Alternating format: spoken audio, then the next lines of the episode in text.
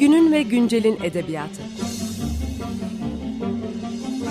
Romanlar, hikayeler ve kahramanlar.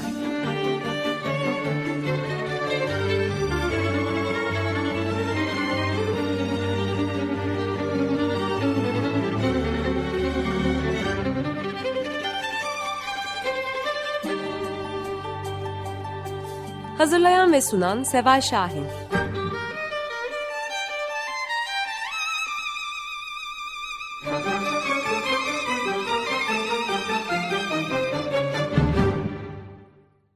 Merhaba, 95.0 Açık Radyo'dasınız. Günün ve Güncel'in edebiyatında ben Seval Şahin. Bugün program konuğumuz Atilla Şenkon. Merhaba, hoş geldiniz. Merhabalar, hoş bulduk sevgili Seval Şahin. Merhaba. Ee, kısaca yazarımız hakkında size bilgi vereceğim. Attila Şenkon 21 Ağustos 1962'de Ankara'da doğdu. İlk orta ve lise öğrenimini bu kentte tamamladı. 1987'de Orta Doğu Teknik Üniversitesi Mimarlık Fakültesi Mimarlık Bölümünden yüksek lisans derecesiyle mezun oldu. 1990'da yayınlanan ilk kitabı Her Gün Perşembe Olsa ile 1991 Akademi Kitabevi Öykü Özendirme Ödülüne değer görüldü. Diğer kitapları Uykusuz Gece Düşleri, Ten Yükü, Bütün Düşler Nazlıdır, Bıyık İzi Yalanları, Gökkuşağına İki Bilet, Sustum Duydun Mu, Bahar Temizliği, Aykırı Üçgenler, Telef, Yalan Satıcısı ve bugün konuşacağımız 2021 yılında iletişim yayınları tarafından yayınlanmış olan Hoş Bulduk Hayat. Ayrıca kendisinin Geveze Kitap, Geveze Kitap Tatilde e, adlı çocuk kitapları da bulunuyor. E, bu kitap e, iki metnin birbirine paralel olarak iki farklı zaman diliminde ilerlemesi şeklinde devam ediyor. E, kahramanlarımızdan bir tanesi Hüsrev Pertev, bir şair ve bir de Hüsrev Pertev'in e, ölümünden sonra bulunmuş bir metnin ona ait olup olmadığını e, araştırmak için yayın evi tarafından editör olarak görevlendirilmiş Sema'nın e, eş zamanlı, eş zamanlı demeyelim de yani kitap olarak birbirine paralel iki metni ve iki macerayı okuyoruz. E, bu maceralardan işte Hüsrev Pertev'in macerasını bize onun yanında e, uzun yıllar kalmış hem dostu hem de yoldaşı olmuş. Onunla bol bol edebiyat sohbetleri yaptığını da metinlerden anlıyoruz.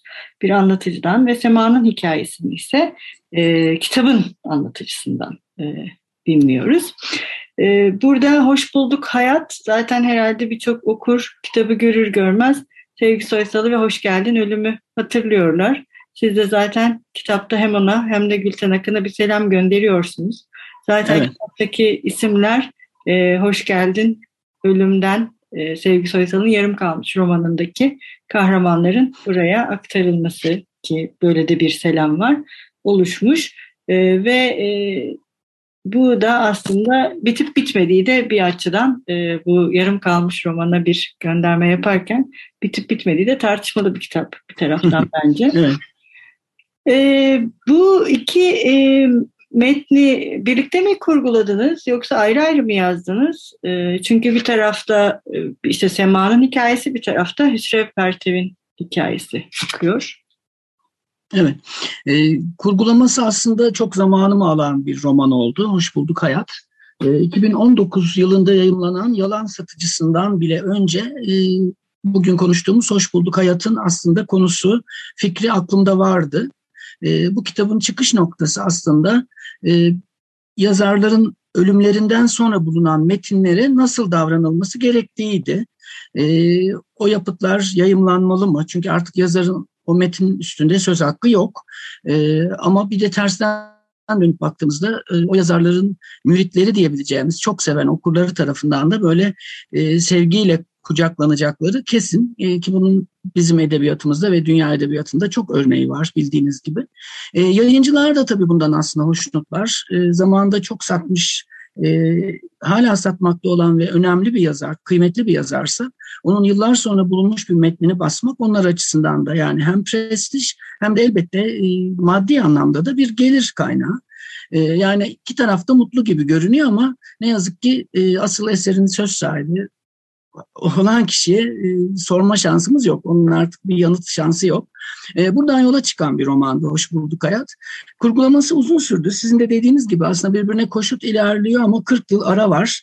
E, romanın açılışı 22 Kasım 1976 ki sevgili Sevgi Soysal'ı yitirdiğimiz tarih. E, siz de biliyorsunuz, bizi dinleyen edebiyat severler de bilirler. Ee, diğer yandan da 2016'ya sıçrıyor Sema ile ilgili bölümler. Tam 40 yıllık bir e, fark var arada. Fakat bu 40 yıl birbirine koşut. Zaman zaman Sema'nın okuduğu metinlerin e, Ekrem tarafından nasıl yazıldığını e, 1976'da e, görüyoruz ve tanık oluyoruz. Ama ben ikisini birlikte e, yazdım. Yani önce 1976'ları sonra dönüp 2016'ları yazmadım. Ki bazı okurlar hem böyle düşündüler hem de kitabı bu tür okumayı yeğleyenler çıktı. Çünkü diğer türlü biraz böyle zorlanmışlar açıkçası. Dolayısıyla belki hani hem alıştığımız biçimde bütün sayfaları ard arda okumak mümkün hem de önce sağ sayfaları yani 1976'ları sonra da dönüp e, sol sayfadaki 2016'ları okumak mümkün. Ama işte bu karmaşayı da biraz önlemek için sağ sayfalarda 40 yıl önceye sol sayfalarda 40 yıl sonraya yer vermek beni biraz, rahatlattı. E, bunu bulduktan sonra daha doğrusu daha kolay yazmaya başladım ama e, önce Üstev Pertel'in ya da Ekrem'in bölümlerini değil ya da Sema'nın bölümlerini değil ikisini birlikte e, peş peşe. Yani nasıl okuyorsak kitapta o şekilde yazdım. Evet, Ekrem karakteri e, kitapta aslında bütün metni kapsayan karakter. Yani o aslında birbirine koşut iki bölümü değil, bütün sadece o iki bölümü değil, bütün kitabı kapsıyor. Bunun neden öyle olduğunu da zaten o kadarını anlatmayayım isterseniz. evet. Okurlar e, şey yapsın. E, onun böyle bir tarafı var diğer kahramanlara göre baktığımızda. Peki bu dengeyi kurmak nasıl mümkün oldu? Yani Ekrem'i nasıl böyle bütün bir kitaba dağıtmayı ve varlığını bir şekilde duyurmayı başardınız? O biraz zor oldu. Ee, şimdi sizin de dediğiniz gibi aslında çok açık edemiyoruz. Çünkü bir sürpriz var e, kitapta ve romanda gizlenen. E, ama Ekrem e, gerçekten can kurtaran gibi oldu bu romanda. Yani hem Hüsrev Pertel'in sesi, e, işte 1900 doğumlu bir şairden söz ediyoruz. E, bugüne dek aslında e, yarattığım belki de öykü ya da roman kişilerinin beni en etkileyeni olmuştur Hüsrev Pertel. E, çünkü bir şair olarak onu kurgu olarak yaratırken ona bir külliyat da armağan ettim ben aynı zamanda. Kitabın içinde geçen e, şiir kitapları var. E, altı tane şiir kitabı var Hüsrev Pertel'in. E, bu anlamda yani Ekrem'in yardımıyla anlattığım Hüsrev Pertel sanırım o kadar yaşayan bir karakter, o kadar gerçek olmuş ki e, zaman zaman böyle söyleşilerde bir araya geldiğimde okurlardan şunu duydum. E, araştırma e, motorlarına girip söz gelimi Google'a girip Hüsrev Pertev yazıp e, oradan Hüsrev Pertev'in görüntüsüne ulaşmaya çalışan okurlar olmuş. E, bu tabii beni çok mutlu etti. Yani okura bu kadar birebir kanlı canlı e, sanki parmak iziyle geçmiş olması Hüsrev Pertev'in e, hoş bir şey. Hüsrev Pertev ben de çok yazarken ama sizin de dediğiniz gibi aslında bu kitapta yani ne Sema ne Hüsrev Pertev e, bütün romanı götüren, bütün kurguyu sürükleyen kişi Hüsrev Pertev'in e, refakatçisi Ekrem. E, bu anlamda Ekrem'i de e, çok fazla sevdim. Hatta roman bittiğinde Ekrem'i kıskandığımı düşündüm ben. Çünkü Hüsrev Pertev kadar böyle edebiyatın içinde e, baktığımız zaman işte ikinci yeninin bütün şairleriyle neredeyse oturmuş, rakı içmiş, kadeh tokuşturmuş. Cemal Süreyya'nın, Edip Cansever'in, İlhan Berk'in, Ece Ayhan'ın hatta Gülten Akın'ın yakını olmuş, dostu olmuş bir şairi kıskanmamak mümkün değil. Ve Ekrem onunla yani tam 10 yıl geçiriyor. Sürekli 24 saat birlikteler. Ee, onunla hem şairleri hem şiirleri tanıyor hem edebiyatı tanıyor, yeniden öğreniyor. Sonra Hüsrev Pertev aslında tam bir hayat adamı. Ee, işte müzeyen senaryolar dinleyen, bir yandan şiir okurken e, keyif adamı aslında. Dolayısıyla Ekrem'i çok da kıskandım. Yani keşke Ekrem olsaydım da gibi bir şairle 10 yıl öyle dolu dolu geçirebilseydim dediğim zamanlar oldu. Evet, Ekrem'in e, hayatında da edebiyatın önemli bir yer kapladığını biliyoruz. Hatta Hüsrev Perteve kitaplar okuyor. Bu kitaplar üzerine konuşuyorlar. E, burada böyle birçok e, gönderme yapıyormuşsunuz gibi de düşündüm. Aslında bu iki e, erkeğin e, arkadaşlığı ve edebi edebiyat üzerinden e, ahbaplıkları konusunda. Tabii Borges'e yapılan yani Borges'e kitap okuyarak geçirilmiş bir evet, evet, var. evet. ve insanlar evet. yani Borges'e kitap okumayı bir ayrıcalık e, diye görüyorlar. E, yine Kılavuz da benzer bir şekilde hani Bilge Karasu'nun kılavuzunda bir erkeğe e, ihsana e, refakat etmek için gelen biri var. E, onların arkadaşlığı çok edebiyat üzerinden ilerlemese de Uğur ve İhsan. E, bu e, metinlerle de bir e, diyalogtan söz etmek mümkün mü? Ya da düşündünüz mü? Siz onları? Elbette, elbette. Ee, tabii bu kitabın içinde pek çok gönderme var. Az önce konuştuğumuz ikinci yeni şairleri olduğu gibi Gülten Akın'a pek çok gönderme var. Çünkü Hüsrev Pertev ile Ekrem'in ilk buluşma anı, hatta o ilk buluşmada e, Hüsrev Pertev biraz da böyle gönülsüzdür. Yani bir refakatçiyle yaşamak istemez. Çünkü yıllarca tek başına yaşamıştır. E, ama gün gelir düşer, e, ayağından sakatlanır ve artık e, tek başına yapamayacağını, hayatın onun için eskisince kolay olmayacağını düşünen yeğeni Ali de e, refakatçi olarak edebiyat meraklısı Ekrem'i e, önerir ona. Fakat Hüsrev Pertev çok da gönüllü değildir. Fakat Ekrem e, buluşmaya gittiğinde Hüsrev Pertev'in oturduğu masanın üstünde e, koltuğun yanında hemen Gülten Akın'ın bir şiir kitabını görür. Ve onların zaten birlikteliği böyle başlar. Yani Hüseyin Perde tekrar davet eder Ekrem'i. Ben seninle Gülten Akın'ı daha ayrıntılı konuşmak istiyorum. E, bunun için gel diye ve sonrasında da işte 10 yıla yayılan bir birliktelik zaten e, doğar.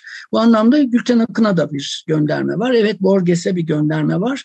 E, çünkü Sepertev de artık gözleri çok iyi görmediği için okumakta zorluk çekiyor. Yani Borges gibi tümüyle görme yeteneğini yitirmiş değil ama yine de bir yardımcıya ihtiyacı var. Yani hem ona yoldaş olması, gününü kolay geçirmesi, hayatı kolaylaştırması için hem de e, okumuyor artık. Ona o metinleri okuması için e, Ekrem'e ihtiyacı var. E, böyle bir gönderme var. Kitabın bir noktasında e, Max Broda bir gönderme var e, Kafka'nın. E, çünkü Kafka'nın da bitmemiş, e, yarım kalmış metinlerini yakın dostuna emanet ettiğini biliyoruz. Hatta yayımlanmasın, yayımlatmasın diye emanet ettiğini biliyoruz. Ee, ama hani bir tür ihanet midir bu bilmiyorum ya da bizlere ve edebiyat dünyasına sunulmuş bir armağan, bir mucize midir?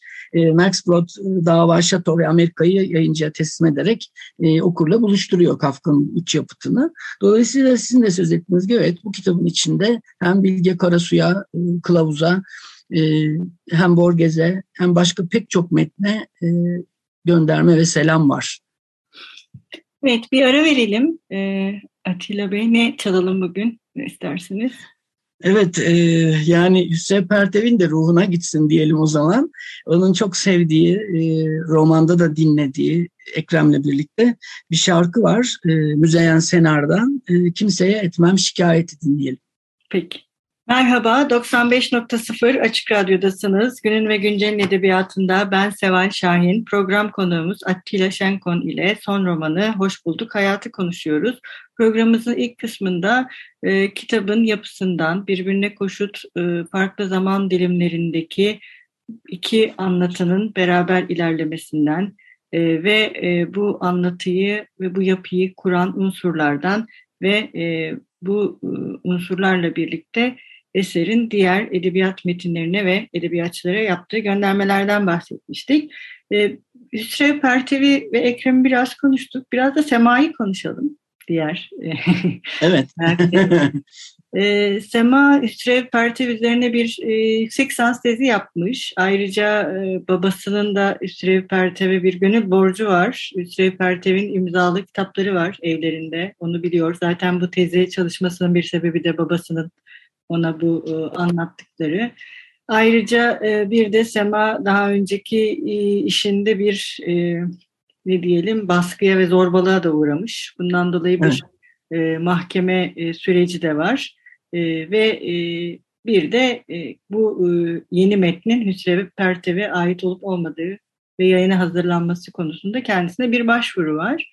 E, Sema'nın macerası e, sizin ilk bölümde bahsettiğiniz bu kişilerin eserleri yani yarım bırakılmış eserler yayınlanmalı mı, yayınlanmamalı mı kadar e, bir taraftan içinde bulunduğu davayla kendisini de sorgulayan bir hale dönüşüyor aslında. değil mi?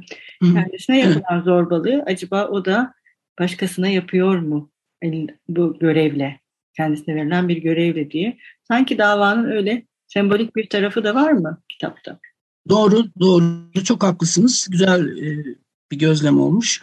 E, Sema'nın hayatı da aslında hiç kolay değil. E, dediğiniz gibi bir önceki iş yerinde e, tırnak içinde söyleyeyim mobbing ya da bir bezdiri mağduru ve onun yaralarını sarmaya çalışırken ona böyle güzel bir öneri geliyor yayın evinden. Yayın sahibi Ömer Argun e, yine yayın evinde çalışan Sema'nın yakın bir arkadaşı e, bir yayın kurulu toplantısında e, Hüsrev Pertev'in Hüsrev Pertev'e ait olduğu daha doğrusu düşünülen bir metnin yayına hazırlanması söz konusu olunca e, Sema'ya başvuruyorlar.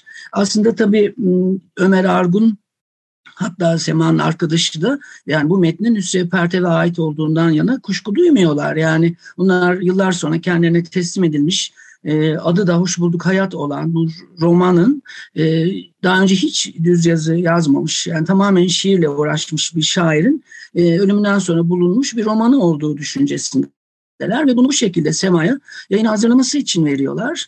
Ama Sema metni okumaya başladığında e, bazı kuşkular doğuyor kafasında. Çünkü gerçekten Hüsrev Pertev'i e, çok iyi bilen biri. Yani hem yüksek lisans tezinde hem işte sizin de söz ettiğiniz gibi bir ailede gönül borcu e, var.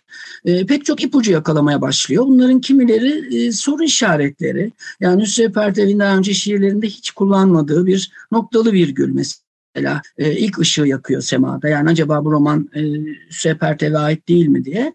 Sonrasında e, baktığında Hüsrev Pertev'in hiçbir şiirinde kullanmadığı sözcükleri, e, başka bir takım şeyleri buluyor ve e, artık giderek emin oluyor ki ıı, bu eser Hüseyin Pertev'e ait değil başka biri tarafından yayımlanmış. E, bu anlamda da işte yayın evi sahibi Ömer Argun'a bir kere bunu kabul ettirmesi lazım. Çünkü Ömer Argun biraz dik başlı. Dik başlı olduğu kadar da bu metni her ne olursa olsun Hüseyin Pertev adıyla kitap kapağında göstererek e, yayımlatmak istiyor. Yani programın ilk bölümünde konuştuğumuz gibi çünkü onun için bu hem kendi adına hem yayın evi adına hem diğer yayın evlerine karşı çok büyük bir onur olacak, prestij kaynağı alacak hem de çok satacağından yana kuşku yok. E, tam da üstelik e, büyük bir kitap fuarı zamanı, İstanbul Kitap Fuarı zamanı. Bütün yayıncıların böyle ağır toplarını e, yayınladıkları e, bir zaman, ortaya koydukları bir zaman. Onun için Sema'nın işi biraz zor. E, öte yandan da işte e, bir e, dava var ve onun da tarihi belli. E, çok büyük bir rastlantıyla da e, Ömer Argun'dan bir randevu talep ettiğinde bu metnin Hüsnü Pertev'e ait olmadığını kanıtlamak üzere aynı gün e, ona bir randevu veriliyor. Sabah e, bir yandan e, mahkemede e, kendisine bezdiri e, uygulamış olan Gülsüm Hanım'la yüzleşecek. E, hemen ertesinde de öğleden sonra yayın evine gidip Ömer Argun'a işte bu metni bulduğu ipuçlarıyla Hüsnü Pertev'e aslında ait olmadığını kanıtlamak gibi bir e, zor süreç bekliyor Sema'yı. E, Yusuf Pertev ve Ekrem'in ne kadar sevdiğimi söylediysem şimdi Sema'ya da aynı şeyi söylemek durumundayım. Yoksa haksızlık olacak. E, Sema da benim için gerçekten yazarken tanıdığım, sevdiğim, e, daha önce çalıştığım pek çok hatta editör arkadaşlar hepsine buradan selam olsun. Özdeşleştirdiğim bir e, kişi oldu. E, Sema hakkında da bunları söyleyebiliriz herhalde. Evet. E, tabii Sema'nın hem e, e, Ömer'le e, aynı gün buluşması hem de e, davayı e, davasının aynı gün görülmesi aslında metni bir şekilde Sema'nın iki davasını birleştiren bir şeye de dönüştürüyor e, onların. Evet, yani finalde öyle farklılıkları aslında metinsel olarak aynı günde birleşmiş oluyor böylece. E, ve e, Sema'nın da aslında bir gönül borcu e, yani sonunda dava bir gönül borcuna dönüşüyor. Yoksa diğer davanın sonucu onu çok etkilemiyor. Evet bir ihanet var ama sonrasında evet. bir e, başka bir yolculuğa çıkıyor aslında e, ve o yolculuk da ona e, bu dava bütün bu davalarla ilişkili bir gönül borcunu ödeme fırsatına dönüşüyor sanki değil mi? Evet. Evet. Ve hayat da sanki böyle anlamını buluyor. Hoş bulduk hayat yani. evet, hoş bulduk hayat gerçekten hem Ekrem'in hem de kendisinin hayatı böylece bir hayat olmaya evriliyor gibi mi? o yolculukla. Tam da öyle. Ee, bir de tabii romanda böyle birbirine koşut giden aslında e, iki aşk var. İki derin aşk hikayesi var. Bunlardan bir tanesi e, böyle yıllar önce yaşanmış e, Kevser'le Hüsrev Pertev'in aşkı. Böyle biraz platonik bile diyebileceğimiz gizli, çok saygılı yaşanmış bir aşk. Öbür yanda da yıllar yıllar sonra Sema'nın Cem'le yaşadığı. Daren'de küçük bir fotoğrafçı oğlu Cem'le yaşadı. Ee, biraz gürültülü aslında yani iki aşk arasında da böyle bir tezat var.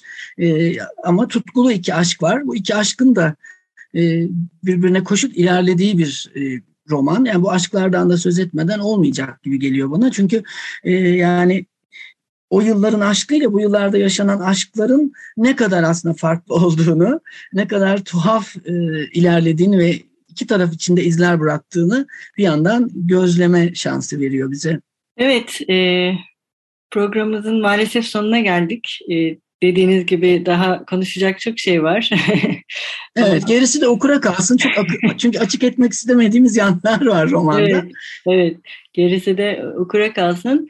Ee, ama e, bitirirken dinleyicilerimiz ve okurlarınız için okuduğunuz bir bölümle veda etmek isteriz. Ee, bugün ne ile veda edelim? izleyicilerimize. Tamam. Ee, o zaman kurlara. Evet. Ekrem'den ve Hüsrev çok, çok söz ettik. Bu 1976 yılına ait olan bölümden e, iki sayfa okuyayım. Kısa iki sayfa aslında yarımşar sayfa diyebilirim.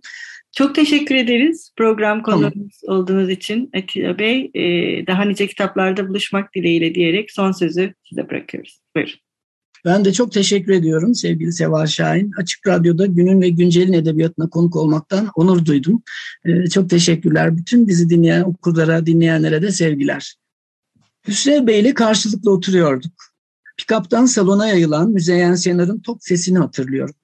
Kasedeki kirazlar kütür kütür kıpkırmızı. Yazmış demek. Temmuz sonu olmalı. Pek efkarlıydı gün boyu. Hiç konuşmamış, sorduğum soruları kısa yanıtlarla geçiştirmiş, neredeyse hiçbir şey yememişti. Bir sıkıntısı vardı belli ki. Dalıp gidiyor, ara sıra derin derin iç çekiyordu. Onu böyle görmeye alışkın değildim. Korkmaya başlamıştım. Akşam yemeği için ne hazırlasam diye düşünürken rakımız var mıydı evlat diye soru verdi. Az bir şey vardı dolapta. Bakkaldan bir küçük rakı almamı rica etti. Manavdan da kiraz. Kapıyı çekip çıkarken bizi uzun bir gecenin beklediğini anlamıştım. Eve döndüğümde elinde sepya bir fotoğrafla oturuyordu. Öylesine dalmıştı ki ne içeriye girdiğimin farkına vardı ne de yanına yaklaştığımın.